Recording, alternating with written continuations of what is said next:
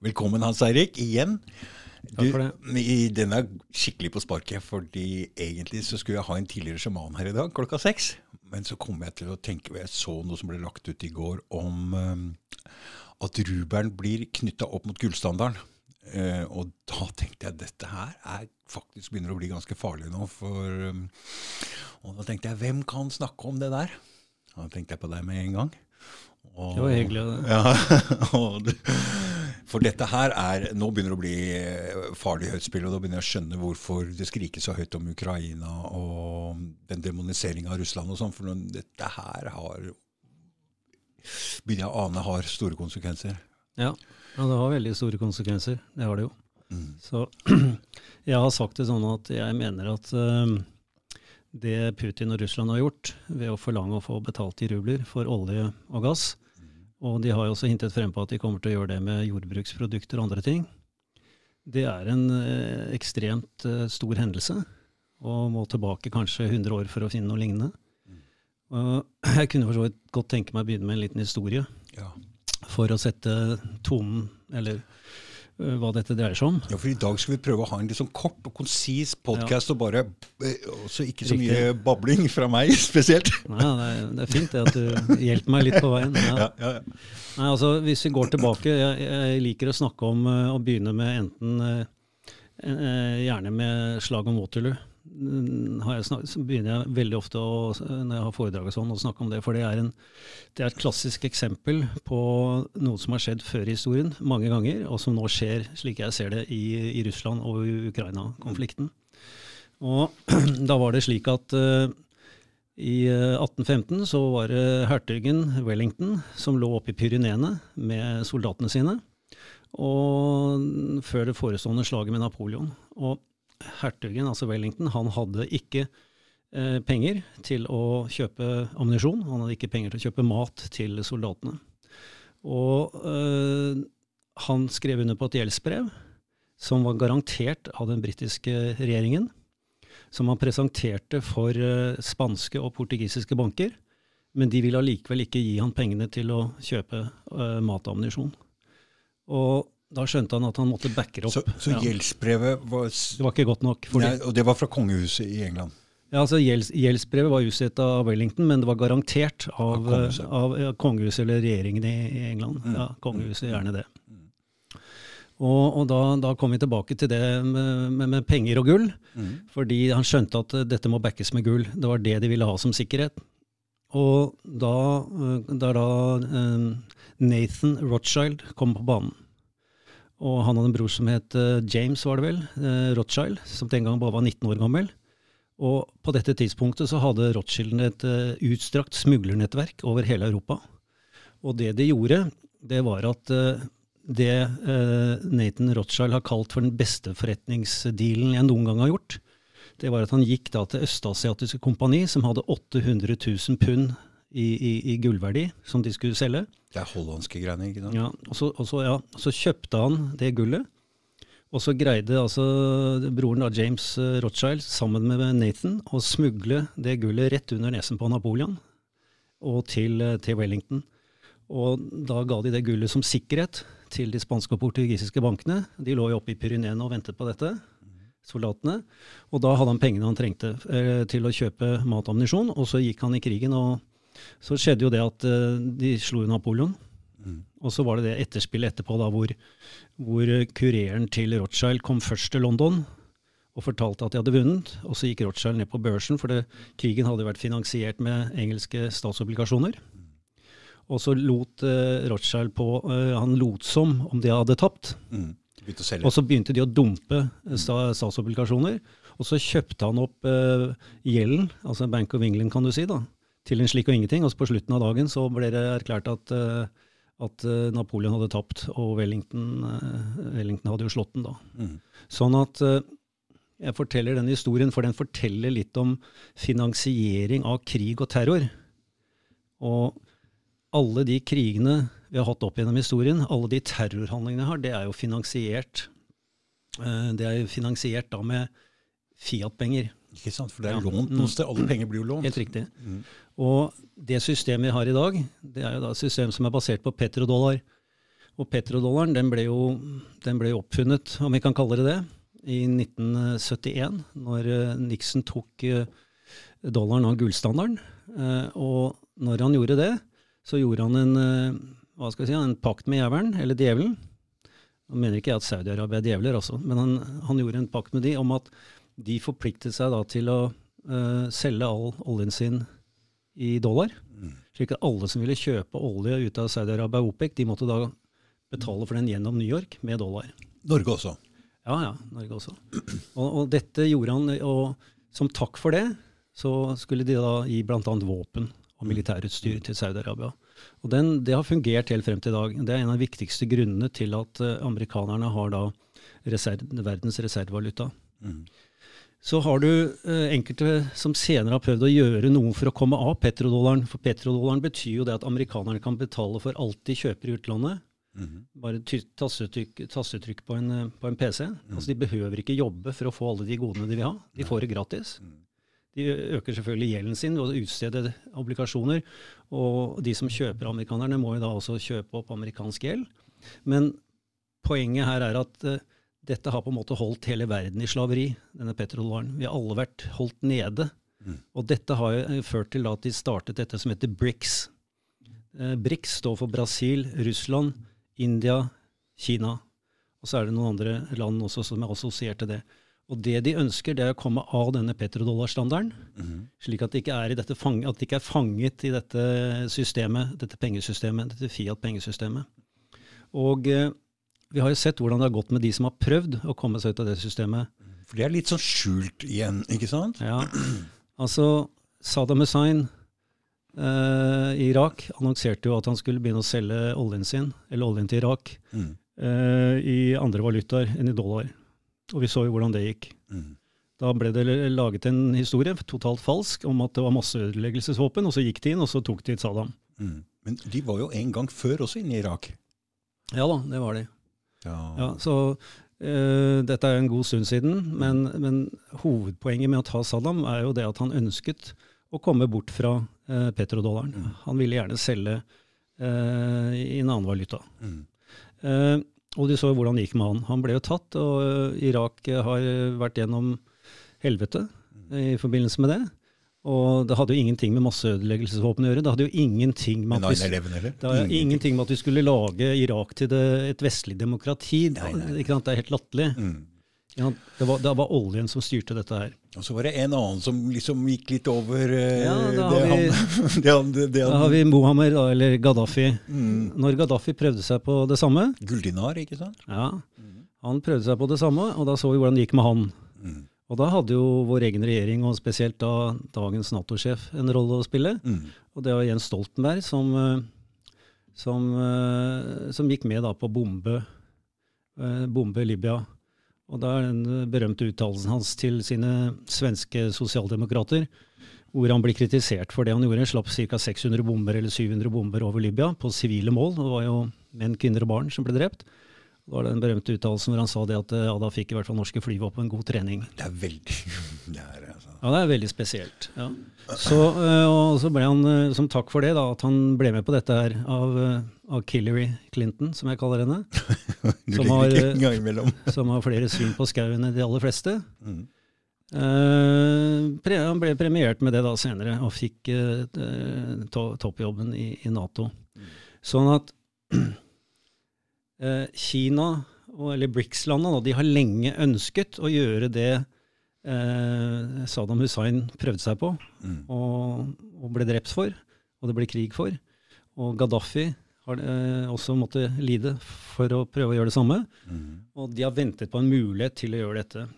Og det, og det som jo skjedde i, har skjedd i, i Ukraina-situasjonen eh, Først si det at det er jo helt tragisk eh, for den ukrainske befolkningen mm. å få med det. Prøver ikke å ta noe side i den konflikten eh, med det jeg sier nå, bare så det er sagt. For de jo, blir jo brukt her? De er, eh, det er jo de det går utover. Mm. Det er jo forferdelig, det som skjer. Eh, men eh, det som jo har skjedd, da, det er at når Vesten kom, altså EU, USA eh, og Nato, eh, vil ha sanksjoner mot Russland, Og så sier de at de skal lukke de ute fra Swift-systemet, altså betalings, internasjonale eh, betalingssystemet. Og så skal de fryse kontoene til, eh, som Russland har i utlandet, bl.a. oligarker og andre. Da fikk Det var jo en lissepasning til, eh, til Putin. Der kom jo blant han derre Asle Toje, som var intervjuet av Wolfgang Wee, han også. Han, han kom ut og sa det at ja, vi må sanksjonere og vi må ta fra de Swift, for da, det, det, da går den russiske økonomien til helvete. Og vi må ha sanksjoner og sånn. Men poenget er jo at Russland sitter jo og supplerer det europeiske markedet med 54% av det de trenger av olje og gass. Mm. Og de sitter også med store jordbruksprodukter, så det å sanksjonere Russland det er egentlig å skyte seg selv i foten. Mm. Men når de nå en gang gjorde det, da, tok de av Swift og stengte kontoene deres For de stjal pengene deres ja, ja, Så sier jo Putin dere gir meg ikke noe valg. Da må jeg ta betalt i en annen valuta. Da må jeg ta betalt i rubler. Selvfølgelig. For hvis jeg, skal, hvis jeg ikke kan bruke Swift-systemet Dere tar dollaren min? Ja. Og, de, dere, og, ja, og, så lar dere meg ikke altså, Og så tar dere penga våre, slik at jeg gir gassen til dere gratis. Det, det går jo ikke. Nei. Så dette var jo dette var jo sjakkspill på Magnus Carlsen-nivå ja. av Putin og mm. Russland. Og uansett hva du mener om konflikten i Ukraina, mm. så er jo dette Skylder vi han en stor takk for at han tok et oppgjør der og da med dette petrodollarsystemet, for det er det ingen av oss som har godt av. Ja, eh, men du, Hans Erik, vi er jo så involvert i dette, vi òg, i Norge. Ja, ikke sant? Så vi, Når det går utover USA men Krona er jo selvstendig. Der er vi en liten løsning, kanskje. Jeg vet ikke, Eller er vi så knytta opp mot dollar her at det, det kommer til å ramme oss? Ja, norske valutaen er helt betydningsløs, for den er så liten. Ja. Men uh, hvis jeg bare tar det slutten på det resonnementet, så er det jo mm. sånn at uh, nå, nå, nå tvinges jo da, hvis Putin gjennomfører det, har han ikke gjort alt? Jo, han har sagt at det skal gjøres, men jeg vet ikke når den første betalingen forfaller. Nei, sånn er. Så jeg vet ikke om det er liksom satt ut i livet ennå. Mm. Men det, det, er klart at hvis han gjennomfører dette, mm. da, da, kommer jeg inn på poenget. Hva er det som har gjort det mulig for eh, USA og Nato og andre å drive, eh, spesielt USA, da, drive alle disse noen av 40 krigene de har drevet med siden annen verdenskrig? Ja. Det, hvordan har de greid å finansiere det? Jo, de har jo finansiert det med papirpenger. Mm. De bare trykker penger. Mm. Og det Putin gjør når han, blir, når han forlanger å bli, bli, betalt i rubler, det er jo at han øker etterspørsel etter rubler. Mm. Og det er derfor rubelen har Først ble den svekket opp til ca. 140. Mm. Pga. at alle sa at nå går Russland konk, for nå kommer alle sanksjonene. Ja. Og så svarte han, eh, som Magnus Carlsen ville gjort, med å si at ok, da tar vi betaling i rubler. For jeg kan ikke la være å få betalt. Og da ser du at rubelen har styrket seg, så nå er den nede på sånn 78-80-nivå igjen. ikke sant? Så den har styrket seg veldig. Og det som skjer, det er jo at når han forlanger betaling i rubler, så vil jo rubelen bli veldig sterk, og uh, russisk økonomi blir jo knallsterk. Ja. Men, Men dette må de ha forutsett! jeg, jeg er usikker på om de skjønte hva de gjorde. Men, men uansett, da. Poenget er jo at dette kan jo være nøkkelen til at vi får slutt på å finansiere alle disse krigene ja. med penger vi egentlig ikke har, mm. og som folket blir sittende igjen med som stor gjeld, som skal betales tilbake av fremtidige generasjoner, altså det ufødte liv. Mm. Så sånn sett så har jo Putin gjort noe veldig godt her. Mm. Uten at vi behøver diskutere kanskje hvem som har skylden for det som har skjedd der borte. Jeg har jo mine tanker om det òg. Mm. Men men dette er bra for verden, at vi kommer bort fra en så dominerende valuta som mm. dollaren, mm. som, eh, som, jo nå Biden-regimet bruker til å bruke helt hensynsløst. De skal jo trykke 11,3 trillioner dollar nå i løpet av uh, neste, neste året. Ja. Så dette er helt ute av kontroll. De er nødt til å trykke så mye, for de er nødt til å holde renten lave. Men det som skjer hvis det er stor etterspørsel etter rubelen, ja. så blir det mindre etterspørsel etter dollaren. Og hvis, dollar. og hvis, amerikanerne skal gjøre dollaren attraktiv igjen, hvordan gjør de det? Jo, da må de betale mer til de som er interessert i å investere i den. Altså, de må betale mer avkastning. Det betyr høyere rente. Høyere rente betyr at USA ikke greier å betjene gjelden sin. Mm. Så nå er de på en måte between a rock and a hard place. Dette er et kjempeproblem for dem. Mm. Og det er det vi burde være opptatt av. fordi at de har gått til krig mot mindre nasjoner, mindre viktige nasjoner. Mm. Libya, mm. Alle mot Irak. En, alle mot én-opplegget. Ja, ja. Mm. Og nå gjør, nå gjør, Russland det mot det. Mm. Med backing av med Kina. Backing av Kina og Ikke India. Ja. Du, Du så jo nå Det er ikke noe liten Nei, task. slik at jeg, jeg er ganske sikker på at hvis Biden hadde hatt ressursene og, eh, og muligheten til det, og ikke minst da eh, muligheten til å påvirke militæret eh, til å starte en krig, eh, så, så, ville, så ville det skje. Eh, og det har ikke skjedd, og det forteller meg, uten at jeg vet nøyaktig hvorfor, at Biden og USA har et stort problem med å håndtere den situasjonen som de har kommet i i forhold til rubelen. Eh, De vet ikke helt hva de skal gjøre.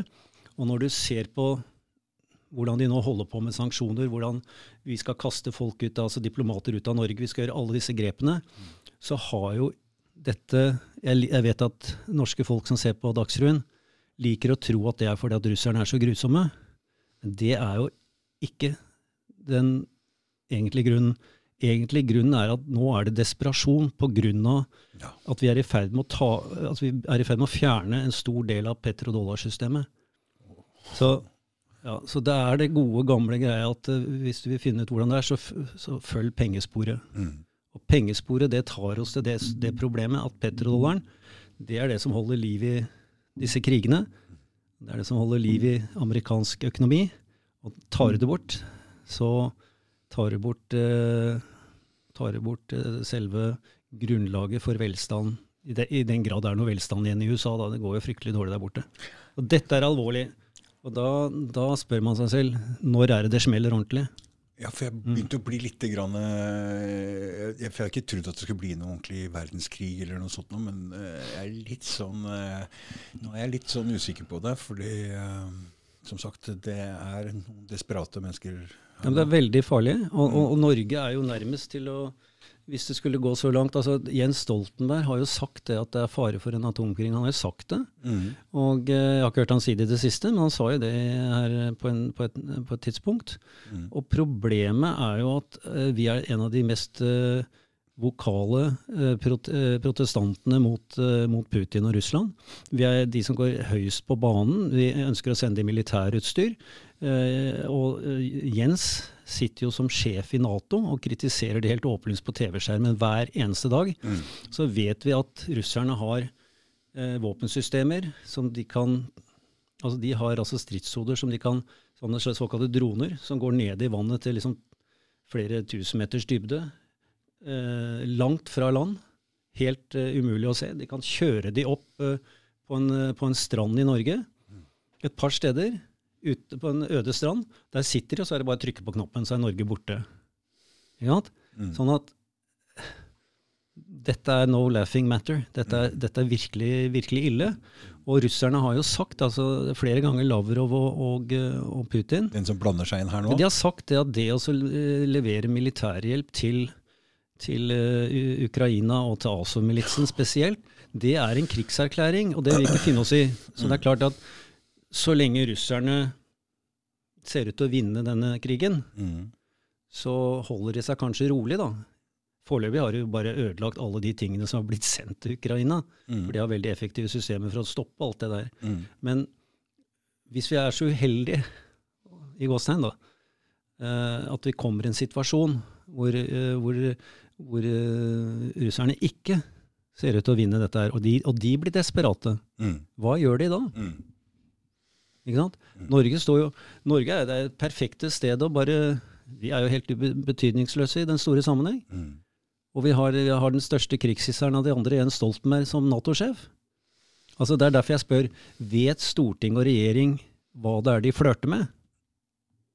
Dette er ikke noe så, det er ikke sånn der du leker?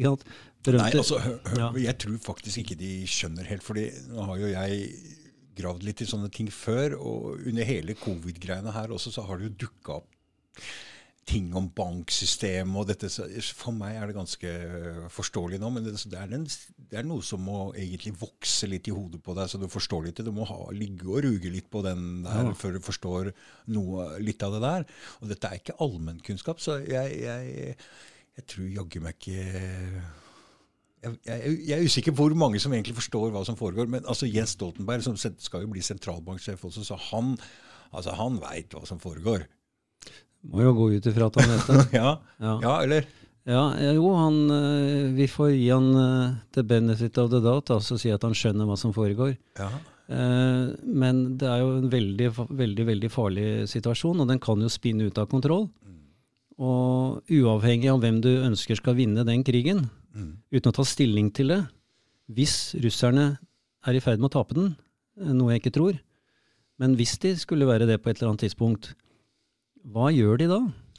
Altså, de, de, de sitter jo på atomvåpen, og ja, Du, nå ble det sendt over 11 milliarder euro fra eh, til, til Ukraina.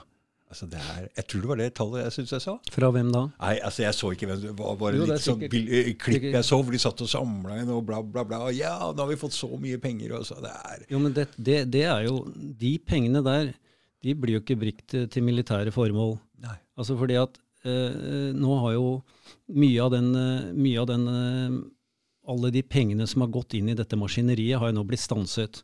Og, og, og de pengene som, blir, som, som angivelig skal gå til for å hjelpe Ukraina osv., i hvert fall fra USA, Ja. de går jo inn i den største eh, hvitvaskings- og korrupsjonsnettverket som verden noen gang har sett, Ja. og det er Ukraina. Mm. Og vi- det Så er- dette, er, dette, kan, dette kan også være penger for at noen skal Jo, suge til seg de siste I- i før to- det ryker? I 2014, under oransjerevolusjonen, så er jo denne berømte samtalen med hun Victoria Nuland, Mm.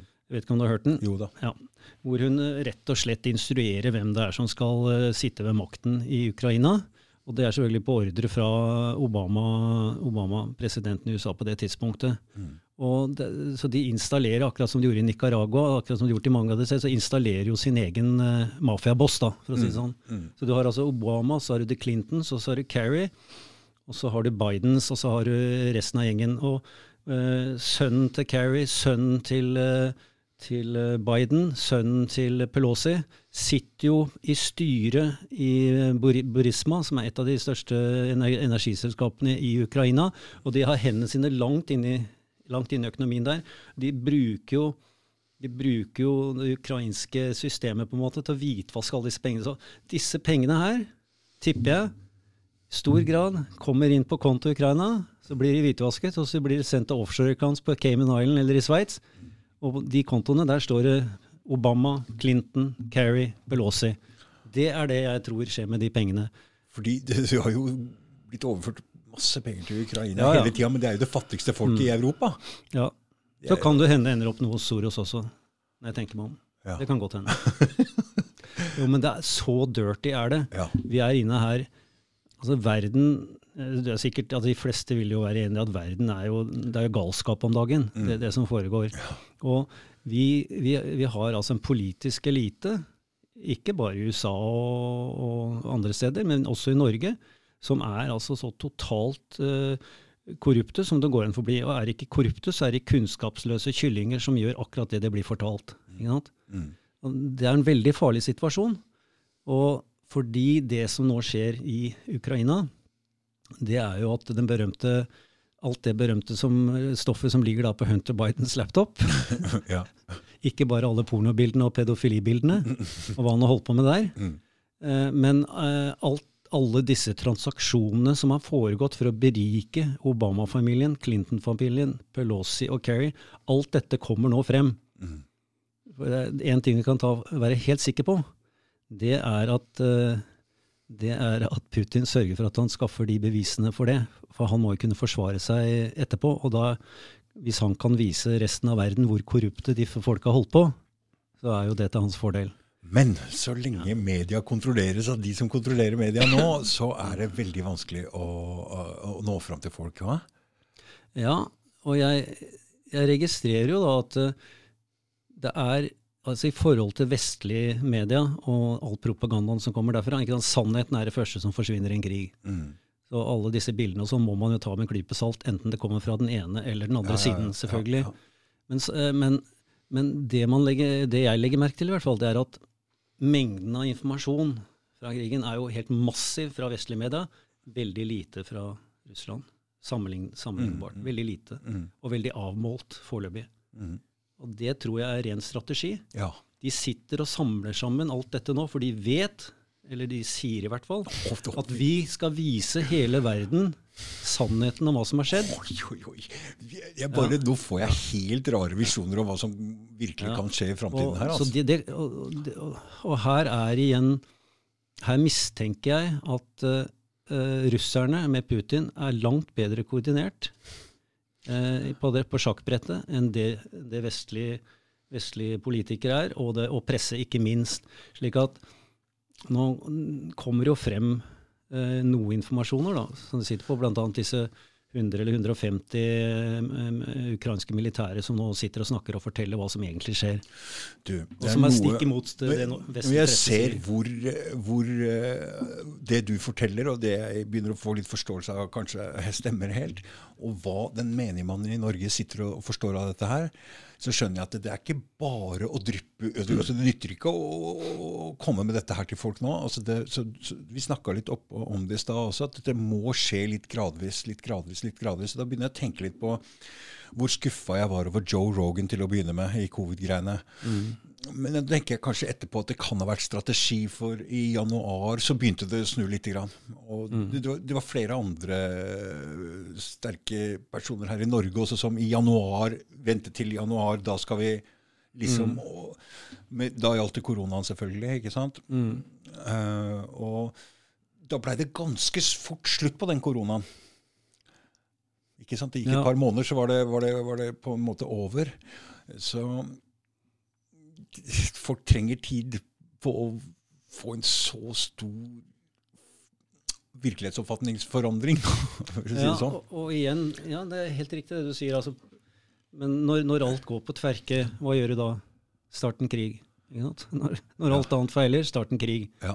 Sånn har det alltid vært opp gjennom tiden. Ja. Og de fikk det jo ikke som de ville med covid og nedstengninger og masker og alt dette. De, folket skjønte jo etter hvert at dette dreier seg om en sånn såkalt power grab. Og sensurering og ta, frata folket ytringsfriheter og alt som er. Men hvis vi da går tilbake og titter på hvordan denne krigen egentlig startet, så må vi tilbake til når muren falt i 1989. Da, I 1991 så har jo da så vidt jeg husker var i 1991, så, så hadde da James Baker, som den gang var utenriksminister i USA, han hadde møte med ledelsen i, i Moskva. Gorbatsjov eller Jeltsin, en av de to. Og så sier han det som russerne ville høre. Altså, muren har falt, og dere har Nå er det glasnost. Og, og så sier jeg hva, hva, får, hva får vi igjen for det? sier russerne. Og så sier det James Baker ja, du får en ironclad, altså en, en, jern, en jerngaranti. Jern, håndfast jerngaranti for at vi ikke move one inch to the east, altså Nato. Det, var, det, det lovte de. Og så har de brutt det løftet siden. Så hadde du Og, og Nato ble jo oppretta Ja, i sin tid østover, ja. ja, men det ble jo oppretta i sin tid mot Sovjet. Det skal, ja da. Ikke sant? Det, det burde jo, det, altså de, alle de som sitter og sier at de vi blir medlem og tilhenger av Nato, de har jo ikke skjønt hva Nato eh, var ment for. Mm. Fordi det, det var ikke noe bruk for Nato etter at det skjedde. Egentlig ikke. Nei, ikke, overhodet ikke. Men, eh, men eh, her er det enten at de ikke forstår det, eller så forstår de at det er ikke lurt å si det. For da irriterer du på at det er makta som rår. Mm. Men, men poenget er jo at så har de brutt disse avtalene systematisk. Eh, helt fram, altså Du hadde Bucuresti Accords i 2007 eller 2008. Der blir det gitt nye garantier for at de ikke skulle flytte videre østover. Og, og så har de gjort det hele tiden. Og som Putin sa før han rykte inn, i- Ukraina, så sa han dere har brutt den, dere har brutt den avtalen, dere har brutt den avtalen, og så var det siste da det Minsk, eh, Minsk-avtalene. Det er også blitt brutt. Nå står dere helt på grensen vår. Dere har satt opp militærstasjoner. Hva ville dere sagt hvis jeg kom og satte opp militærstasjoner og mulighetene for strids, atomstridshoder på grensen fra Canada? Mm. Hva sa dere i 1963 når uh, Khrusjtsjov prøvde seg uh, å sette atomvåpen på, på Cuba? Da holdt det jo på å bli verdenskrig. Hvorfor skal, hvorfor skal vi finne oss i at dere gjør mot oss? Men veit du hva slags nytt ord de har funnet på nå for å kontre det du sier der? Når du kommer med argumenter? De kaller det for whataboutism. For Whataboutism. what about Whataboutism, altså du begynner å prate om Det har ingenting med krigen i Ukraina å gjøre. Når du begynner å prate om whataboutism som Nato har gjort og sånn, nei, nei, ingenting. Så de, de kaller det på whataboutism. Ja, Det er et nytt ord som de har fint bruker nå hele tiden, ser jeg. Ja, ja, ja. Ikke bruk det, er bare whataboutism. Ja, nei, men det, det er veldig bra. Så dette er et sånn Det er en slags utvidet form for walkism, antagelig. Ja, så du, du kan ikke si Hele du- verden er woke, vet du. Du, du, får, du får ikke lenger du, du kommer ikke inn i militæret lenger hvis du ikke er woke. Og så skal du slåss med russere. Ja. Nei, så du vet at ja, nei, Jeg kan si, si mye om de tingene der, men, men poenget er jo at eh, eh, Russland har hele tiden bøyd seg bakover og funnet seg i alt dette i, i alle år. Ja. Og så til slutt så, så ble det jo gitt en klar beskjed av hit, men ikke lenger. Men altså, alle kommentatorer i VG og overalt, de er bare Putin er gal. Hvordan, hvordan De tror på det, ikke sant? Ja, men dette er jo Ja, men de, de tror på det, alle kommentarer i VG og alle disse skribentene. De tror på det, ikke sant? Ja. Det de skriver? Ja, Eller selvfølgelig. er det Jeg tror de tror på det. Du vet det er sånn at uh, Goebbels, uh, propagandaministeren til tyskerne til, og Nazi-Tyskland, han, eh, han rødmer fra graven vet du, når han ser hvor flinke vestlige politiske ledere er til å eh, først bedøve en hel befolkning og få de til å tro på all den propagandaen. Det er som jeg sa, det første som forsvinner i en krig er sannheten. Men vi har da eh, et bilde av Putin som er styrt fullstendig fra propaganda, Mm. og som vi ikke kan stole på. Men det er veldig og jeg, veldig- ja, ja, jeg sier ikke at du skal stole på, på det som kommer fra Russland heller, men poenget er at det er ingen balanse i det. Nei. Sant? Og det er veldig lett for media å skru søkelyset på noe som er stygt. Ja. Noe som er fælt. Under covid vi så det hele tiden. Se på alt det her og bare Ja, det er, og det er fælt, det. Men det kan de gjøre på veldig mange ting. Mm. Sette søkelyset så veldig hardt på en sånn stig som krigen i Ukraina eller sånt, og bare fokusere på det, så er det klart at eh, ja, det er fælt. Ja, men, men så, eh, så er det ingen som nevner at, eh, at uh, i åtte år så har altså eh, ukrains, ukrainske militære, da vesentlig uh, Azov nazimilitsen, de har altså bombet da sivilbefolkningen i Don Donbas-regionen. Dette sier noen er ren løgn, altså. Ja. Ja vel, jeg har sittet og sett på ganske mange videoer hvor de snakker med lokalbefolkningen, Ja, altså, jeg som, som, Nei, altså. som, som føler seg frigjort for det russerne har rullet inn der. Nei, altså jeg, Så- jeg tror på Henrik Weber, han sier han har vært der, og så de har jo vært der nede. Man, det, er veldig lett, det er veldig lett å Hvis du først har meldt deg på et spesielt narrativ, enten du er VG-journalist, Dagbladet-journalist, eller du er Jens Stoltenberg eller, Mm. eller Vedum Hvis du først har bestemt deg for hva, hvem som er den onde, og hvem som er den snille, Ja. så er det veldig vanskelig å akseptere den type ting. Mm. Men, men det er jo fakta, at de har blitt terrorisert. Mm. Og uh, hvis du Jeg har også sett filmer hvor, de, hvor russerne har satt opp uh, sentre hvor de har hjulpet sivilbefolkningen som har blitt skadet eller trenger mat og sånn. Eh, hvor de hjelper de inn, ikke sant.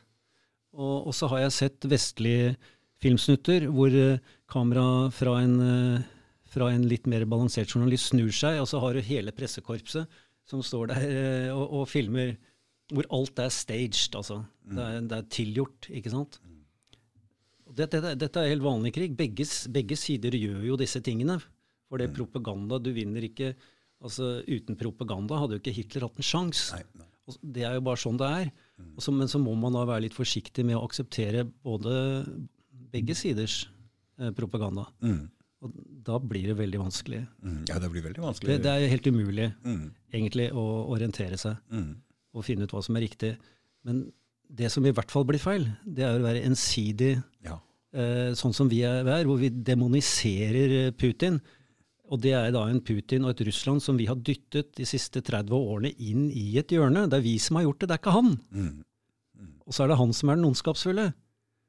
Så jeg Ja, syns, ja, jeg er enig med deg. det, det er et ord jeg syns er lurt å bruke noen ganger.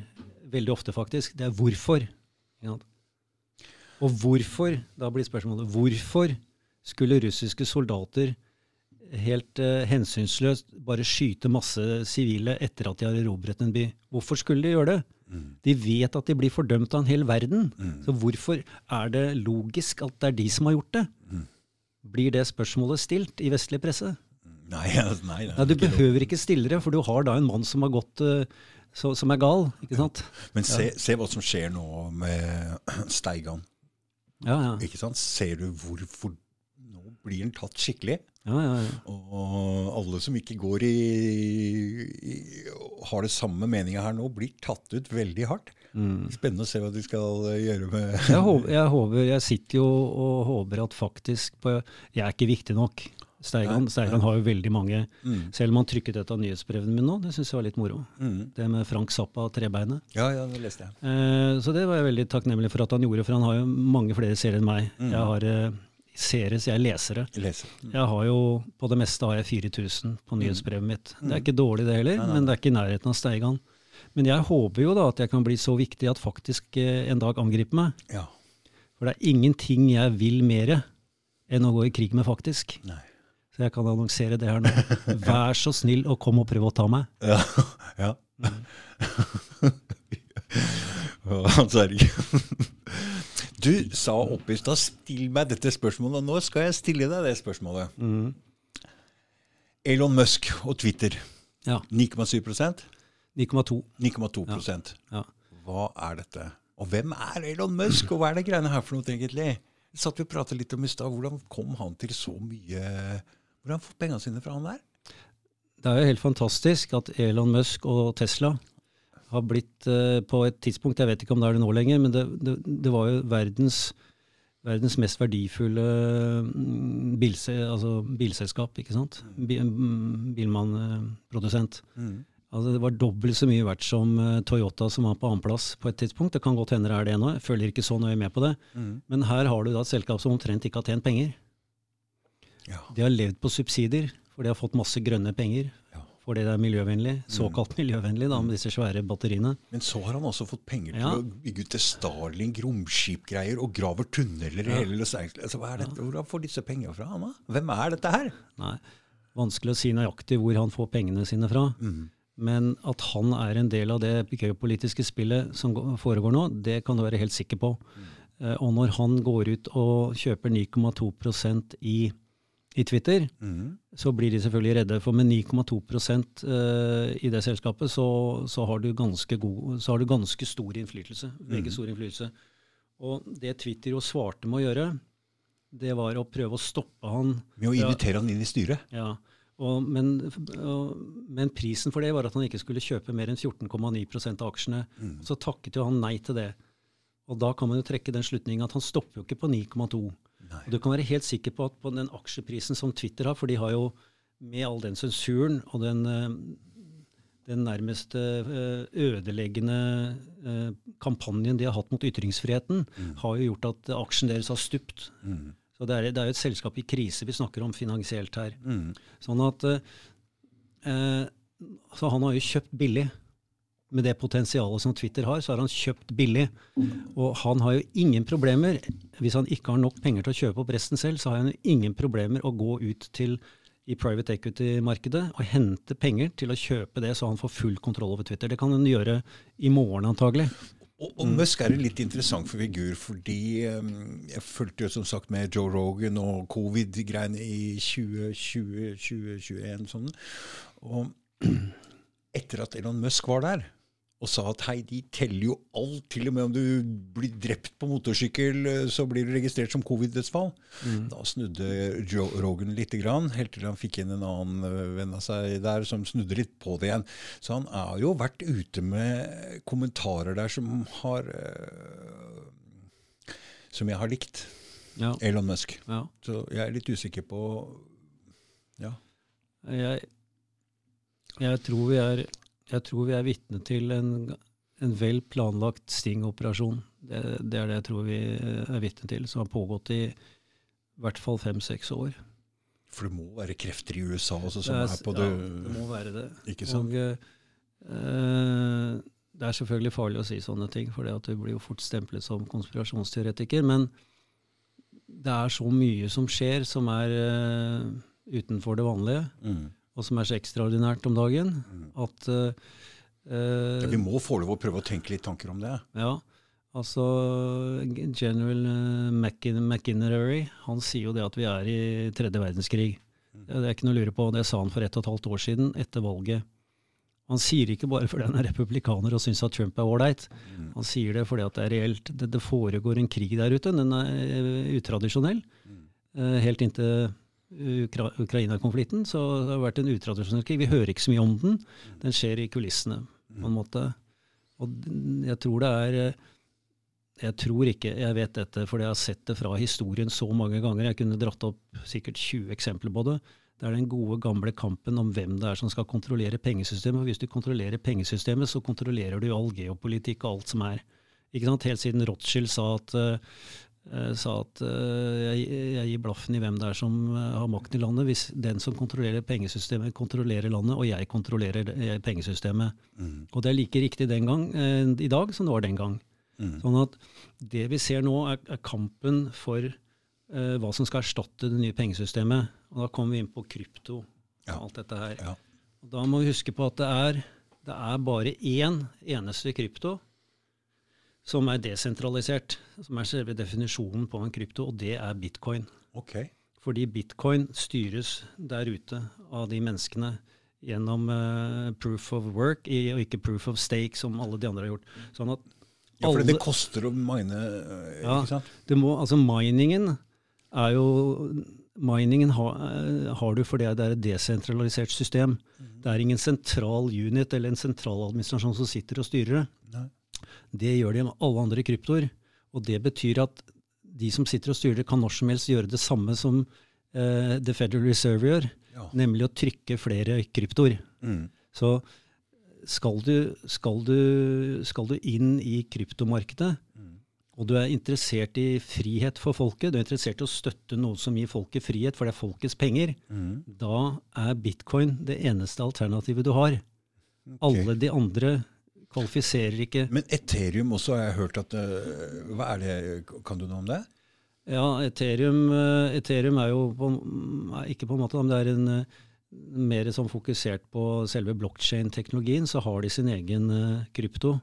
Men forskjellen er, så, er, akkurat det jeg sier. Ja. det er det folk som vil inn og, inn og putte penger i disse tingene, må være klar over. Det er at, og det er masse penger å tjene på alle disse kryptoene, men det er bare én av disse kryptoene som er desentralisert slik det skal være, mm. og det er, det er eh, bitcoin. Okay. For det, det er ikke sentralt. Men alt som er sentralt altså Norges Bank, andre sentralbanker snakker om at de skal utvikle sin egen kryptovaluta. Mm. Bare tull. Mm. Det er per definisjon sentralisert. Mm. Det er ikke desentralisert. Det er, det, er, hele forskjellen. Derfor så er bitcoin er det.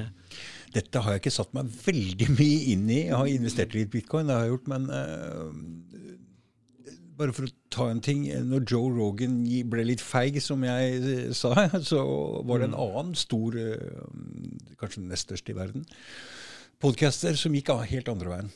Mm. Brian Rose og London Real. Eh, ja, ja. De, de, de, lagde sin egen usensurerbare plattform og dro den skikkelig langt. Tok inn alt som var David Ike og alt mulig. Mm. Eh, han hoppa av eh, eh, plutselig og skulle bli borgermester i London og ble borte. Og mm. når han kom tilbake, så prater han bare om DeFi. Det er fordi det er fryktelig mye penger i det. Oh, ja. ja. Mm. Er, jeg har jo sett på forskjellige typer kryptoløsninger. Ja, men de, de, DeFi står for Decentralized Finance, ikke sant? Ja, altså det, tanken er jo veldig god. Det er at Når du ikke kan stole på sentralbankene, du kan ikke stole på politikerne, for de er gått til sengs med, med, med banksystemet for lenge siden mm. og er helt totalt avhengig av de. Uh, og de, de, trykker penger for å dele ut privilegier left, right and center. Og i Canada nå så stoppa de også privatkontoen ja. til folk som uh, ja, ja. stengte altså kontoen til folk. Så hvis, hvis, altså, hvis, vi vil ha tilbake friheten vår, da snakker jeg ordentlig frihet, for vi har levd i et, sla, et slags slavesystem pga. petrodollaren mm. og, på grunn av, og for så vidt også euroen. Eh, hvis vi vil bort fra det, så er vi nødt til å få en desentralisert eh, pengeenhet, eller valuta som jeg kaller det. Mm. Og der er bitcoin eh, det beste, eller det eneste alternativet, egentlig.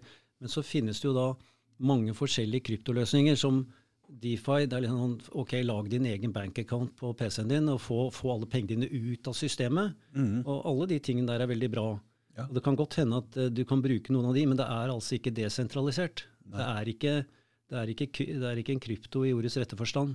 Okay. Det, det, det betyr, behøver ikke bety at, er, at, alt er galt med det, på ingen måte. Men det vi skal huske på, det er at jeg har øh, snakket med ganske mange teknologer som er i det spacet, som du kaller det, Mm. og som driver med dette. Og de sier at av, av 100 sånne kryptoløsninger som vi får servert og blir spurt om å investere i, så er 99 av de det er en scam. Ja, det er et pyramide. Det er, ja, det er en scam. Altså det, er, det blir aldri realisert. Du kan ha selskaper som for så vidt har en god businessplan. De har en, de har en god eh, presentasjon på, på hjemmesiden sin, og alt dette her, og de, de lager algoritmer og sånn. Du kan sitte og følge med på hva du holder på med på bankene og se at det vokser og alt dette her. Og, og sånn. Og så kan du prøve å ta ut pengene dine og se hva de sier. Okay. Det er nummer én. Ikke sant? Og, og, og nummer to det er at når det går gærent, for i 99 av 100 tilfeller så går det gærent, når det går gærent, så har de så mye de kan begrunne det med. Ja, nei, det kom, rest, det kom eh, reguleringer, det kom restriksjoner som gjorde at eh, businessmodellen vår ikke fungerte. Så sorry, dere tapte alle pengene deres. Mm. For det er ingenting ja. Betsafe stjal 5000 kroner av meg, altså. Mm. Jeg fikk ikke gjort noen ting med det. Nei. Altså Hadde de hatt kontor her i Norge, så hadde jeg gått og banka på døra, men altså, det jo, holder jo til nede på en av disse øyene. ikke sant? Mm. Og de bare tok dem, og det kom, kom ikke noen ordentlig grunn engang. Hadde- Det er så mange grunner til at de kan slippe unna med svindel, fordi at de kan skylde på teknologi også. Vi, vi sa jo fra til dere, kjære investorer, at vi holder på å bygge en plattform. Og så er den teknologiske løsningen den har vist seg for vanskelig. Vi har ikke fått det til. So sorry. Mm. de kan For dette kan du litt om, Hans Eirik, det å bli svindla. Ja, men Nei, jeg kan ikke så mye om det, egentlig. Nei, men du ble jo lurt av det firmaet du drev, og den siste Ja du falt sist. Men det jeg sier, at folk er vær forsiktige med det dere går inn i. fordi også Gå inn på nettet og søk på uh, de løsningene som dere blir presentert. og så der hvor, det er, eh, der hvor det kommer frem at det kanskje er ugler i mosen, så, så les litt om det. fordi at folk er jo på nettet og prøver å hjelpe hverandre i forhold til disse prosjektene. Og les kommentarfeltene. Ja. Les hva folk sier om det, og hvordan de blir møtt for, av de som vil forsvare det systemet de snakker om. Og når du har lest da 10-20 minutter nedover et kommentarfelt på en spesielt løsning, så får du en ganske god mavefølelse på om dette er svindel eller ikke. Mm. Og følg den mavefølelsen. Ja, Mm. det er det jeg sier. Ikke bli grådig. For nå er det mange som er ute etter pengene våre, fordi Mm. folk vil ha dette pengene sine vekk fra mm. Ja, men det er, igjen, det er veldig viktig å vite at en ekte krypto, det er et desentralisert system. Mm. Ja, det må det være, ellers er ikke, ellers er ikke Det er i hvert fall ikke folkets penger, da. Nei. Nei. Skal vi vise fram boka di igjen, Hans Erik? Ja, det kan vi godt. Altså Den lånte Chris med seg hjemme i går. Hva? Ah, Ja. Ja, Farvel, menneske. da kan jeg jo, siden, eh, siden du har den fremme, så kan jeg jo si det at jeg har eh, solgt ut uh, første opplag. Ja. Det har jeg. Mm. Og så uh, tenkte jeg at jeg skulle uh, Så da har jeg da er jeg, da er jeg nesten på, på plussiden, ikke helt. Mm. Men så gikk jeg da til forlaget og sa vi må trykke opp uh, 500 bøker til. Mm. Og den første prisen jeg fikk på fordi at nå, eh, Vi har jo snakket om inflasjon. Åh, det har gått opp! Ja, ja Papirprisen har gått opp sånn at, at det første tilbudet jeg fikk på, på trykk på den boken, var, eh, var 250 kroner per bok. Oi, Og oi, da kan du ikke gjøre det. Nei. Så jeg greid å, å forhandle det slik at jeg har fått en litt bedre pris enn det. Mm. Men nå har jeg da Så jeg endte opp da med å skylde forlaget penger istedenfor å tjene. Fordi jeg måtte bruke jeg, må- For, for, for, hva slags inflasjon har vi hatt nå de siste to åra nå? ja, nå, Se på matvarepriser. nå kom jo inflasjonstallene ut i USA i Ja, går. ja. Eh, eller i dag tidlig. Og nå det har gått jevnt og trutt oppover fra rundt fire. Mm. Fire og en halv, fem. Og så har jeg gått videre oppover. Så var det 7,5 for eh, en måneds tid siden. Da prater vi i året. Ja, altså de, Det er moving average. Du tar alltid de- tolv månedene. Ja, Så flytter du én en måned frem. Ja, sånn, ja. Mm, mm. Og sammenligner med for ett år siden. Ja. Ja, ja, ja. Og nå er, eh, nå er den på 8,5. 8,5 på et Ja. år. Mm. Men dette er den offisielle, eh, offisiell inflasjonen. Inflasjonen er jo mye høyere enn det. Mm. Altså hvis du, eh, eksperter har jo regnet på inflasjon de siste 10-15 årene. Ja. Og i USA for eksempel, da, så har den ligget ganske stabilt på 14-15% Og nå er den mye høyere. Altså Matvareprisen i USA siste året har gått opp med hva var det, eh, det var eh, 24,5% Og nå kom det ut en rapport nå om at nå eksploderer eh, prisen på, på matvarer.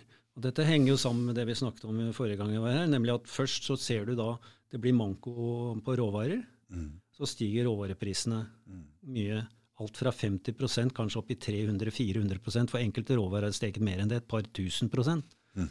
Eh, hvis man ser på noen av de, vet ikke om det er platinum eller eh, er Noen av de råvarene der er i hvert fall steget veldig mye. og Du ser også gull er forholdsvis sterkt, selv om gullmarkedet er veldig manipulert. Og sølvmarkedet også er fryktelig manipulert. Hvordan manipulert da? Nei, altså det eh, Det er kun ca. 1% av gullmarkedet. altså Du snakker Comex i Chicago, hvor de handler gull og sølv. Og Der har du, for å dekke Det er bare kun rett, rett under 1% av det som faktisk er fysisk gull. Så det du sitter og trader, er papirgull. Ja. Og det er som jeg sa sist, det er rart at folk ikke reagerer når de kjøper noe som heter papirgull. Hva er det for noe? Er det glanspapir? Eller? Ja, det er det. Ja, det er det. er glanspapir. I det øyeblikk For dette er noe derivat. Ja, ja. Det, det, det, skjønte jeg ikke helt forrige gang. det, er, det er akkurat det samme som med pengesystemet. Ja. Du, du leverage pengesystemet slik at du, du låner ut mye mer enn det du har dekning for.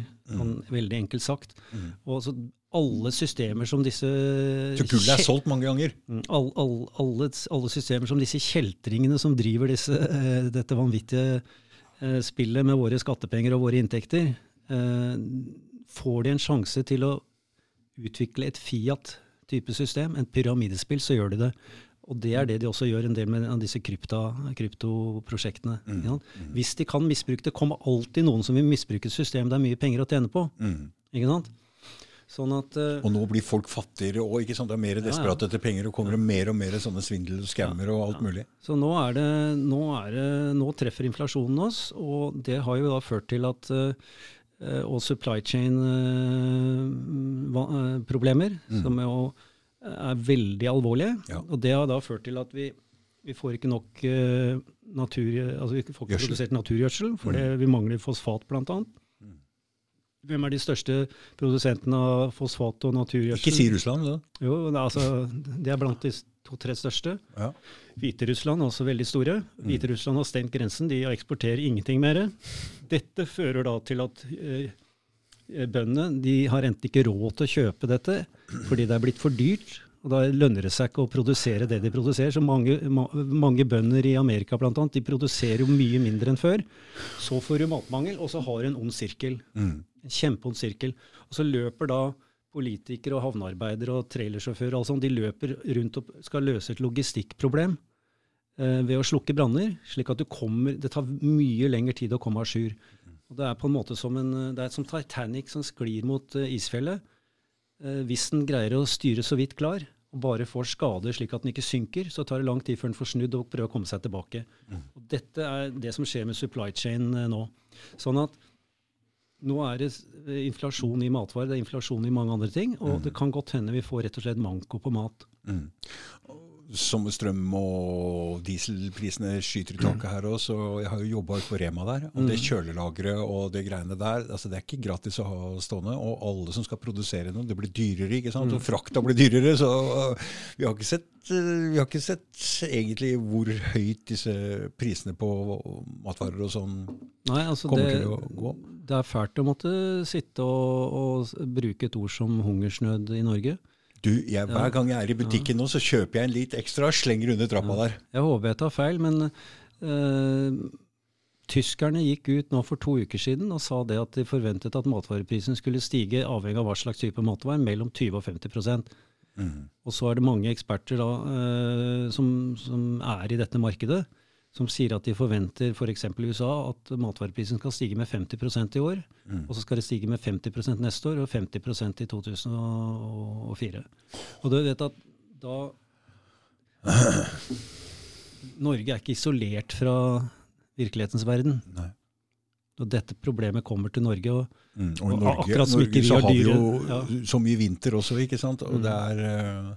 Så disse, disse problemene kommer, og det, det er ingen quick fix. da. Du, du, snur ikke dette her. Og så er vi da i, med petrodollaren med etterspørselen etter rubler kontra etterspørselen etter, eh, etter US dollar og euroen, Mm. det, i det bildet som vi snakket om først, så er det da et bilde som sannsynligvis også sporer til økte, økte renter. Mm. Så øker renten. Matvarepriser opp. Ja, Altså det her uh... det er en ond sirkel. mm. Og den, eh, det, er, det, det kan vi takke våre politikere for, og vi kan takke da de som driver sentralbanksystemet at, eh, og det private bankvesen. Fordi eh, det er slik, jeg husker ikke helt tallene, men vi, vi har et pengesystem og et samfunnssystem i verden som har gjort at eh, 90% av oss eier 10 nei, ja, litt under 10% av verdiene, men vi eier 76% av gjelden. Altså vi eier 10% av verdiene, 76% av gjelden. Det er et samfunnssystem som er, eh, og, en, og et banksystem og et pengesystem som er forbeholdt de rike, for at de skal bli rike. For de sitter med alle verdiene, vi sitter med all gjelden. Og nå må jo snart folk våkne og se hvor feil dette er. Ja, Når du blir fattig nok, så våkner de. Mm. Men det er liksom noe som slo meg, hva han Jesus sa på korset. Unnskyld dem, for de veit ikke hva de gjør. Ja, Kan det gjelde de politikerne her i Norge? ja det kan det. Mm. Og, ja, nei, absolutt kan det, kan det gjelde de. Mm. Eh, og jeg har jo forsøkt å konfrontere noen av de med bl.a. Eh, Bankenes sikringsfond. Og jeg konfronterte Hans Christian Syversen i finanskomiteen i 2015 eller 2016 med at eh, de to millionene de skulle dekke for hver innskuddskunde, det hadde de bare 57 000 kroner å dekke det med. Og han prøvde jo å stoppe meg. Han prøvde jo å si til Truls Lie at de eh, ikke trykk det Hans Olav skriver.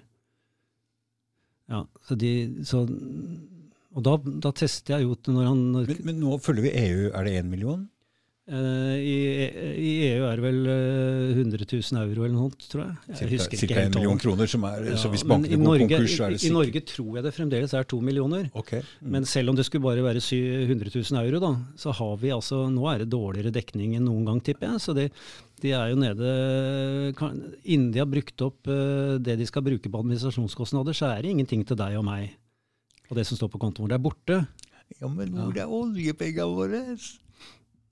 Ja, det er jo, De er jo virkelig i fare nå. Og de er i aksjer.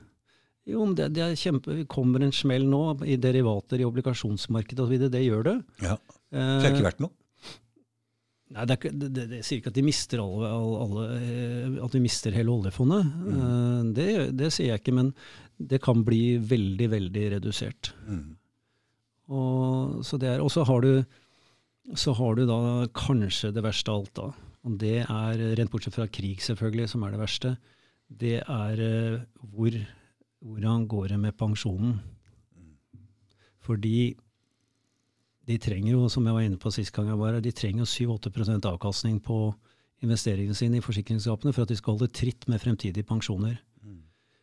Og de er ikke i nærheten. Nei, nei. Så at de ikke er en journalist i VG eller Dagbladet eller Dagens Næringsliv, som, som jo er på økonomi, eller, eller Trygve Hegnar, at ikke de går inn og titter på balansen og regnskapene til forsikringsselskapet og kaller den bløffen eh, som når det gjelder pensjoner, hvor underdekningen helt sikkert er enorm.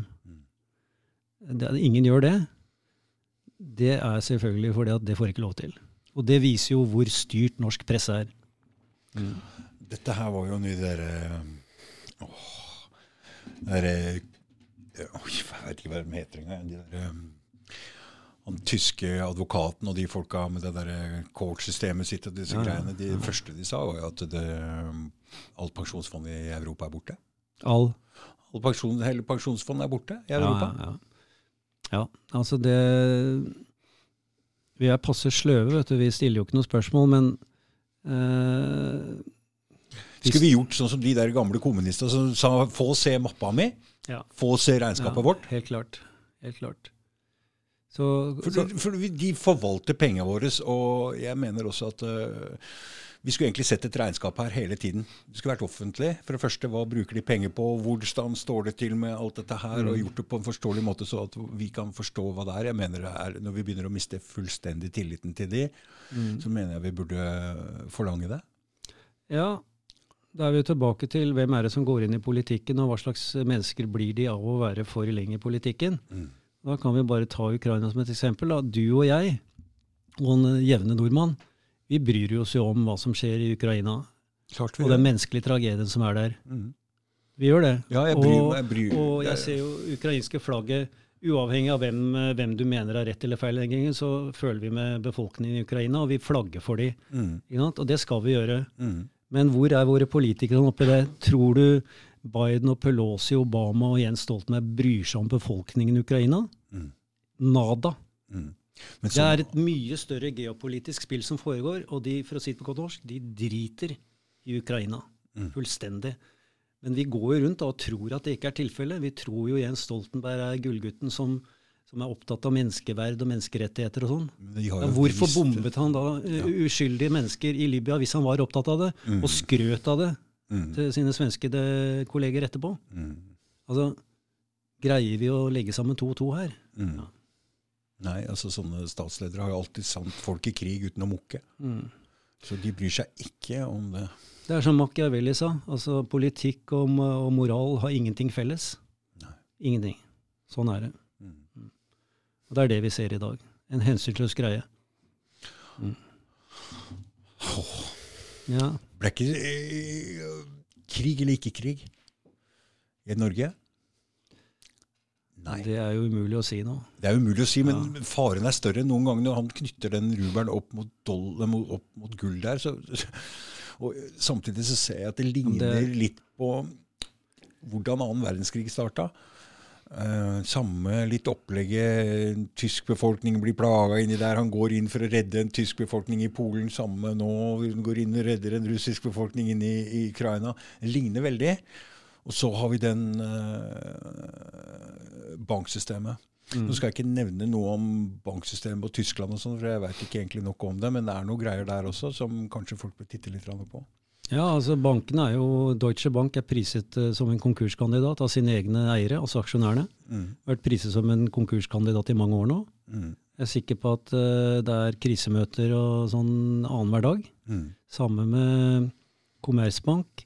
Verste banken i hele Europa er Kreditt Agricole, som har en eksponering i derivat- og obligasjonsmarkedet som er helt hinsides. Altså, Går renten opp med et prosentpoeng, så er alle disse bankene blåst. Er borte.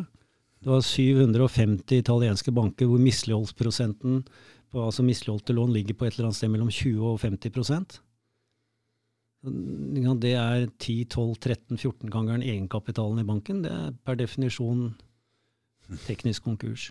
Så, og det som da Putin da har gjort i forhold til rubelen, Mm. det kan jo da være med på å dytte dette systemet over stupet. Mm. Og, det er da jeg begynner å skjønne hvorfor den massive propagandaen eh, mot Russland og hatet mot Russland drives opp her. For det er ikke uh, bare Ukraina-konflikten som ligger bak her. Det er ingen, altså det, jeg vet at det er rått å si det, Mm. men det har nest, ja, det, nesten ingenting å gjøre med, eh, med, med, med, med, med den situasjonen som er i Ukraina. Mm. Den har å gjøre med petrodollaren og pengesystemet, Mm. og hvem som har kontrollen på det. Det er det dette dreier seg om. Mm. Og Da er det litt lettere å forstå. Desperasjonen, eh, Ja, er- den massive mediekampanjen. Da er det Ja. mye lettere å forstå hva som foregår.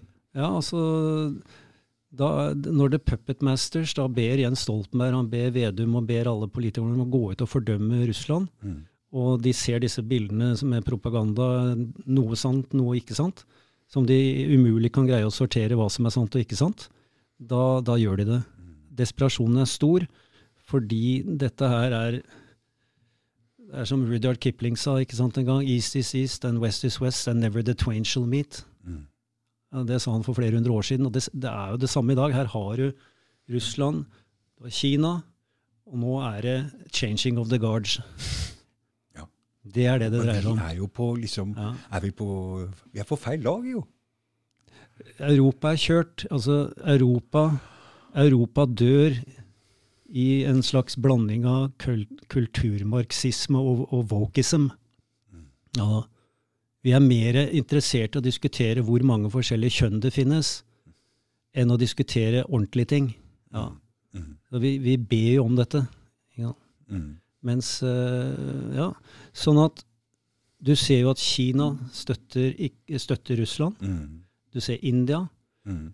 Når, eh, når Macron og andre har reist Jeg vet ikke om Macron dro, men det er flere som har reist til India av statsledere for å snakke med, med statslederen Modi, er det vel han heter, i India. Mm. Eh, alle sammen fikk møte ministre. Hvem var det som gikk rett inn til Modi? Lavrov. Mm. Forteller deg det du trenger å vite. Ja.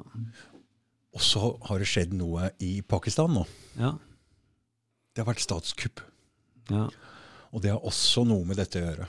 Fordi han har kritisert USA og han eh, som Imran Khan, eller jeg er ikke helt Ja. sikker på navnet, jeg um, har sendt en melding til en pakistansk venn av meg og bedt om at det skal komme inn en pakistaner og fortelle litt om hva som foregår der nede. For jeg ser at det henger sammen med det som foregår i Russland, og det henger sammen med petrodollaren, og det henger sammen med det som skjer nå. BRICS og det der.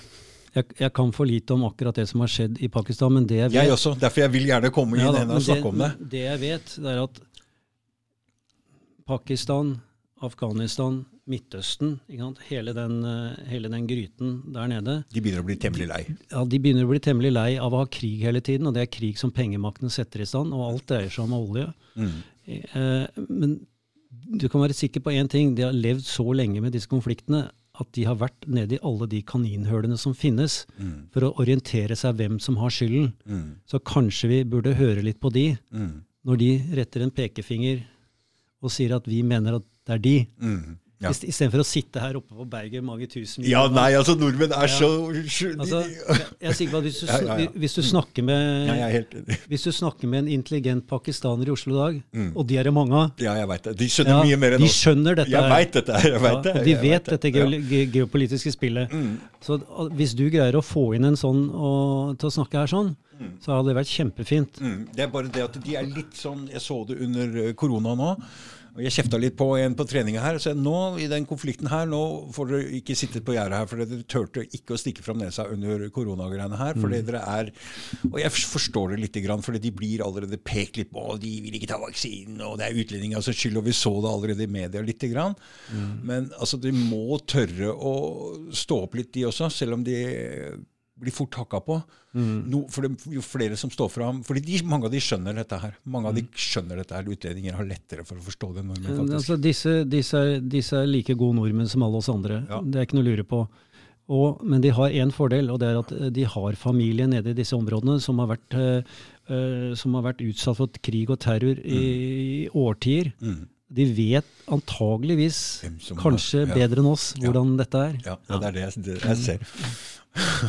Jeg vil tro det. Ja, ja, jeg jobber jo sammen, jeg har jo jobba sammen med mye utlendinger og gjør det ennå, sånn, og de er mye mer eh, Ja, det er veldig lett å være moraliserende vet du, når, er, eh, når problemet er 7000 mil unna. mm. Det er lett å sitte hjemme og da drikke vin til 400 kroner, og så, og så være sosialist. Ja, nei, Norge har vært sånn, de, de, de har vært sånn hele tida. De peker på andre land og så sier de, nei, der går ikke an å bo. Nei, de må få komme hit. Altså, det, jeg mener det er en form for eh, altså, Det er skikkelig sjåvinisme, om det ikke er rasisme. Altså, Ja, rett og slett. Eh, fordi de er like lykkelige der som de er her, og kanskje enda lykkeligere med familier og rundt. Det er ikke penger og ting og status og sånn. Det er bare Nei. Det er en fake greie. Ja, men når du, jeg snakker jo av og til med, med, med folk som kommer fra andre kulturer. Mm. Og er det én ting de kan bedre enn de fleste nordmenn jeg snakker med, så er det hva World Economic Forum er for noe. Ja. Og hvem nazisten Klaus Schwab er. Mm. Og hvem som jobber for han, nemlig Børge Brende, som var tidligere utenriksminister i Norge. Mm. Og de vet hvordan Hariri, han rådgiveren til Klaus Schwab, uttaler seg om Oh menneskeheten. God, så du det? Ja. Altså, dette er som tatt ut av en Hollywood-film med The, The Mad Professor, som skal redde verden. Mm. Og eh, det er jo et du, Som Klaus Schwab sier, da This is a fourth uh, industrial revolution. Ikke sant? Og han Hariri da, som står og sier at han skal gjøre alle mennesker inn til roboter, og de skal settes inn i syntetiske ditten og datten. Altså, Ja, men de sier Ja. det så rett ut, så må det få en motreaksjon. Altså, altså, Ja, det er- er at han ser ut som en tegneseriefigur, hele fyren. Snakker Ja. som en tegneseriefigur og kler seg som det. Ja, ja. Men du vet at når, når han når han sier at du skal ikke eie noen ting, men du skal være lykkelig, så forstår du at karen hører hjemme på sinnssykehus. Det er klart det er der han hører hjemme, men han er farlig. Fordi at han har folk som Justin Trudeau og alle de som har gått på dette Young Global Leaders-greiene hans i årevis. Ja. Altså, Hva var det tyskerne eh, Det er jo filmer om tyskerne, Hollywood-filmer, hvor du snakker om Det tredje riket, og, og du snakker om hva de skal gjøre hvis de taper krigen. Da skal de, nazistene skal reise seg igjen. Ja, Hva er det Klaus Schwab er for noe? Han kommer jo rett ut av en nazistfamilie. De som gidder å gå og sjekke CV-en hans, ser jo hvor han kommer fra. Og allikevel så Og han hvem, hvem, har vært, eh, hvem er en av hans næreste medarbeidere og venner? President Zelenskyj. Og så har du ASO-militsen. Altså, norske journalister og norske politikere må jo greie å legge sammen to og to her, og se at det vi snakker om her, det er den nye nazismen. Men hva er nazisme? Hva er nazisme, du? Ja, Jeg kan kalle det kor korporatisme, da. Ja. Det, er en, det, er en, veldig usunn blanding av uh, For nå slenger folk dette nazismeordet mot alt ja, som kan krype og gå som har andre meninger. altså. La oss heller, Så jeg blir liksom lei det hele greia. La oss heller kalle det for fascisme, da. Og fascisme er korporatisme. Det er big business og politikere. For Det er litt morsomt nå når, når Putin er Hitler, altså Putler, ja. og så er de andre nazister. Altså Begge to er, altså, det er altså, og Hvis du snakker mot vaksine her, så er du også nazist. Så jeg begynner å bli rimelig lei det ordet. Og jeg vil gjerne komme at noen kan komme og definere hva det betyr for meg. For jeg, å, jeg forstår ikke hva det betyr. Ja, det går jo ut på nasjonalsosialisme, da. Eh, men det er bedre kanskje å bruke fascisme. Det er, det er korporatisme. Og korporatisme det er det er når alle politikerne, for å si det veldig enkelt, det er når alle politikere, alle som sitter i FN, alle som sitter i, i Nato, alle sammen, de er avhengig av, for å billedliggjøre det, så er de kjøpt og betalt av BlackRock, f.eks. Okay. Altså det er big business. Mm. Det er big business og det politiske systemet som har gått til sengs med hverandre. Hvor, eh, og, og til slutt så er det blitt så korrupt som vi har fått det i dag. Mm. Men, men, det der med nasjonalsosialisme Jeg skjønner ikke det siste ordet, men nasjonalisme mm. det er jo iboende i alle mennesker, hva? Altså, Det er derfor vi sitter og heier på fotballag og heier med det norske flagg og heier Norge. Og, så, så, så, det er jo en veldig følelse som er i alle mennesker, egentlig. Lett, lett, å, lett å flamme opp, da. Ja. Og som er kanskje årsaken til en del kriger og sånn også. Ja, altså jeg har jo stilt meg selv spørsmålet mange ganger når jeg sitter og ser på Northug vinne femmila i Kollen, eller jeg sitter og ser på Johaug eller ja. norske landslag i fotball og, og heier mm, på dem. Mm, hva er det egentlig handler om? Så, så, skal man jo, man bør jo være såpass kritisk mot sitt eget uh, moralske ståsted, da, at man stiller seg spørsmål hvor sunt er det, mm. og hvor langt skal det gå? Mm. Uh, skal, skal, vi alle bli hooligans og slå ned alle andre som uh, ikke, sant? ikke sant? For Det er jo litt sånn du ser det på fotballkamper òg. Selv om det er lag de holder med, så er det liksom oss mot dem. og ja. det var jo... Altså... Nei, men Ekstrem nasjonalisme er ikke bra i det hele tatt. Nei. Det er ikke det. Nei.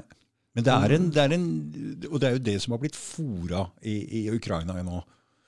Ja. Altså, jeg har... Det, den, den, situasjonen i Ukraina den er jo en lang historie med altså, hvor de jo, men altså, Nazistene i Ukraina under andre verdenskrig var jo veldig lojale til Tyskland. Jeg skjønner det, Tyskland. men det var en grunn til det òg. For det ble jo drept mange ukrainere under sovjetsamveldet. Når tyskerne kom, så var de ja. mot dem. Og de kjempa mot tyskerne igjen etterpå. Mm. Så den nasjonalismen i Ukraina har forståelse for det, fordi de ble klemt mellom disse to her hele mm. tiden. Mm. Så jeg har egentlig eh, både forståelse og sympati for det. Man skal alltid se etter en forklaring mm. på ting. Ja.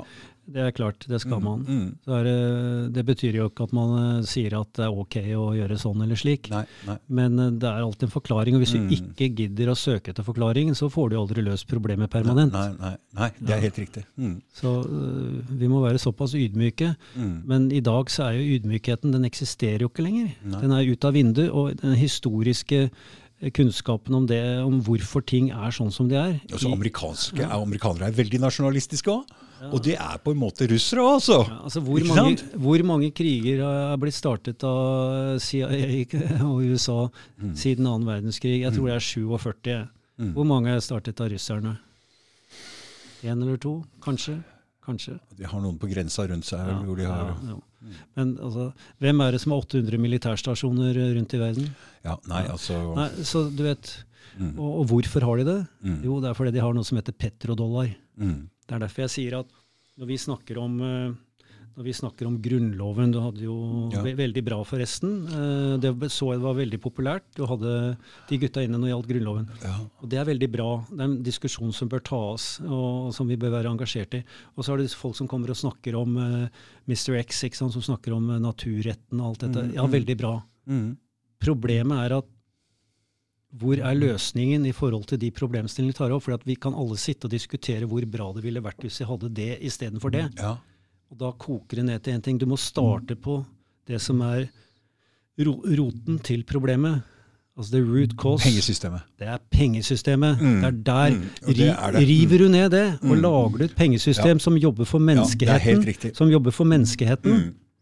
et desentralisert pengesystem som er kontrollert for menneskene, av menneskene, Ja. For and by the people, Mm. da ramler alle disse andre Da ramler et korrupt, eh, en korrupt domstol ned. Mm. Da, da ramler alt dette andre korrupte sammen. Kan ikke, har du, du, du kjenner jo Mr. X du nå, ikke sant? Jeg har truffet han, ja. Ikke sant? Så du, du og han bør jo prate litt sammen. Det morsomme var, vet du, det morsomme var at jeg brukte litt av dette naturgreiene og sånn. Ja. Jeg fikk meg et sånn fødselsnummer og sånn borte i Skottland og sånn. Ja. For det, det var en, en gammel sak fra DNB hvor de hadde satt en inkasso på meg som har vokst fra 3000 kroner til 12 500, og så skulle til forliksrådet. ja. Og dagen før jeg gikk til forliksrådet, så sendte jeg inn en syv, en syv siders lang eh, prosesskrift. Mm. Hvor jeg dro frem eh, eh, fractional reserve lending-systemet og forklarte de pengesystemet. Mm. Og ville ha bevis for at eh, de kunne bevise at det kravet var reelt, at jeg noen gang har hatt de pengene på konto. Ja. Og så dro jeg frem litt av naturretten ja. og sendte inn. Ja. Og så frafalt de saken. Ikke sant. Jeg vet det. Jeg. Jeg vet det. Inkasso du kan, Det er noen måter å ta inkassosaker på. Mm. Nå syns jeg det å bruke naturretten til å slette regninger og sånne ting, ja, det skal man være litt grann forsiktig med, for det er ikke det det egentlig er. eh, Men jeg sendte et motkrav, vet du. Ja, ja, og ja, men Vet du hva det var på? Nei, nei. Jeg sa det at jeg ville ha bevis for at eh, for det første at den panteobligasjonen de hadde hatt i huset vårt, den var nå slettet. Jeg ba en kopi av å få, å få den, og det, det har de problemer med å, å, å skaffe til veie. Det vet jeg at de har. Mm. Eh, For alt jeg vet, så kan det være solgt til eh, Goldman Sachs og, som en del av sånn mortgage back security-system. Ja. Jeg vet ikke. Og så sa jeg det at dette er jo penger som egentlig aldri skulle funnets. ikke sant? Dette er penger som er eh, made out of thin air Mm. i utgangspunktet, eh, ut fra sentralbanken og så videre inn i banksystemet. Så jeg sa det, jeg regnet ut da med 10 på, på pengene mine, så jeg, tok jeg alle rentene jeg har bet, eller rente på det rentebetalingen jeg har betalt inn. Mm. Og så det kom til 18 millioner kroner, så jeg sendte, jeg sendte et motkrav da på 18 millioner. Ja, Nei, altså, du må ha det litt moro av og til. Ja, mm. Eh, og så tror jeg ikke de droppet denne saken fordi at jeg hadde vært så genial og dro frem naturretten og kom med et veldig stort motkrav. Jeg tror de droppet det rett og slett fordi de, de så at eh, dette blir for eh, Han er en kverulant. Ikke sant? Ja. For hvis du Og- er villig til å gå i og- forliksrådet og ja. stå på ditt, så Og er det da, vi- da, Dette koster mer enn det smaker. Japp, mm, Så jeg skulle gjerne likt å slå, eh, slå meg selv på brystet og si at uh, det fungerte. her var det naturretten, Ja, ja, men det var nok ikke det. Nei, nei. Dessverre. Nei, for det, hvis du er villig til å stå på ditt, og er villig til å møte i forliksrådet, og, og, så er det ikke, da, den er ikke så interessert i. Nei, de prøver seg. De prøver seg, Mm. ikke sant? Ja. Og folk betaler. Men inkassoselskaper er noen eh, Altså, det er fæle torpedoer som går på de svakeste folka som ikke kan betale, og kjører på med ekstra renter. Så de er det noen som fortjener å bli tatt ned, så er det faktisk de. Altså. Det, er, eh, det er torpedovirksomhet mot de dårligst stilte. Det er greit å ha et system hvor folk som ikke blir betalt, får, eh, får hjelp til å få pengene sine, men slik det har utviklet seg i Norge, med de, eh, med de eh, gebyrene de legger på alt dette her, sånn, Mm, mm, så, så er det helt ute av kontroll. Mm. Du, du har krav på kanskje 700 kroner som vokser til eh, 10 000. Og dette er folk som Ja, trenger som- hjelp, ikke ja, sant? trenger hjelp, Ikke sant? Så, Så dette er stygt. Det er en del av det systemet hvor du, Mm. det er kriminalitet satt i system. Ja, Og noen, noen tjener veldig godt på det. Og det er uh, ordentlig stygg torpedovirksomhet, syns Ja, jeg. det er det. Ja. Og den er legalisert. Mm, ja. Da tror jeg vi har nådd en time, Hans Eirik. Ja. Skal vi prøve å holde det kort i dag, så jeg tror det er innafor. Hvis det ikke er noe mer spesielt du vil si. Nei. Det blir veldig vanskelig når jeg sier sånn. Nei, jeg tror det er, er greit, jeg. Fordi Mm. eh, det vi egentlig skulle snakke om, var jo betydningen av Putin som vil ha betalt i rubler, Mm, og hva det betyr for, eh, Mm. for eh, verdens pengesystem og valuta. mm, det det betyr, er at det er et enormt skifte bort fra petrodollaren. mm, Og det har konsekvenser for eh, Det er store konsekvenser mm, for verden. mm, Det har det. mm. Dette har vi jo spådd litt grann lenge før den krigen, men eh, Så, dette her er ja, spennende. så får vi krysse fingrene. Og så for at uh, det roer seg ned, og så får vi håpe at et, det skjer et eller annet magisk i Ukraina, slik at menneskene der kan leve et verdig liv. Mm. For det er det mange som har ventet lenge på. Mm. Da tror jeg man må prøve å snakke sammen. Helt, helt klart. Ja. Tusen takk for at du kom, eh, Hans Erik. Ja, Kjempefint. Kjempehyggelig at jeg fikk komme. Ha det. Ha det.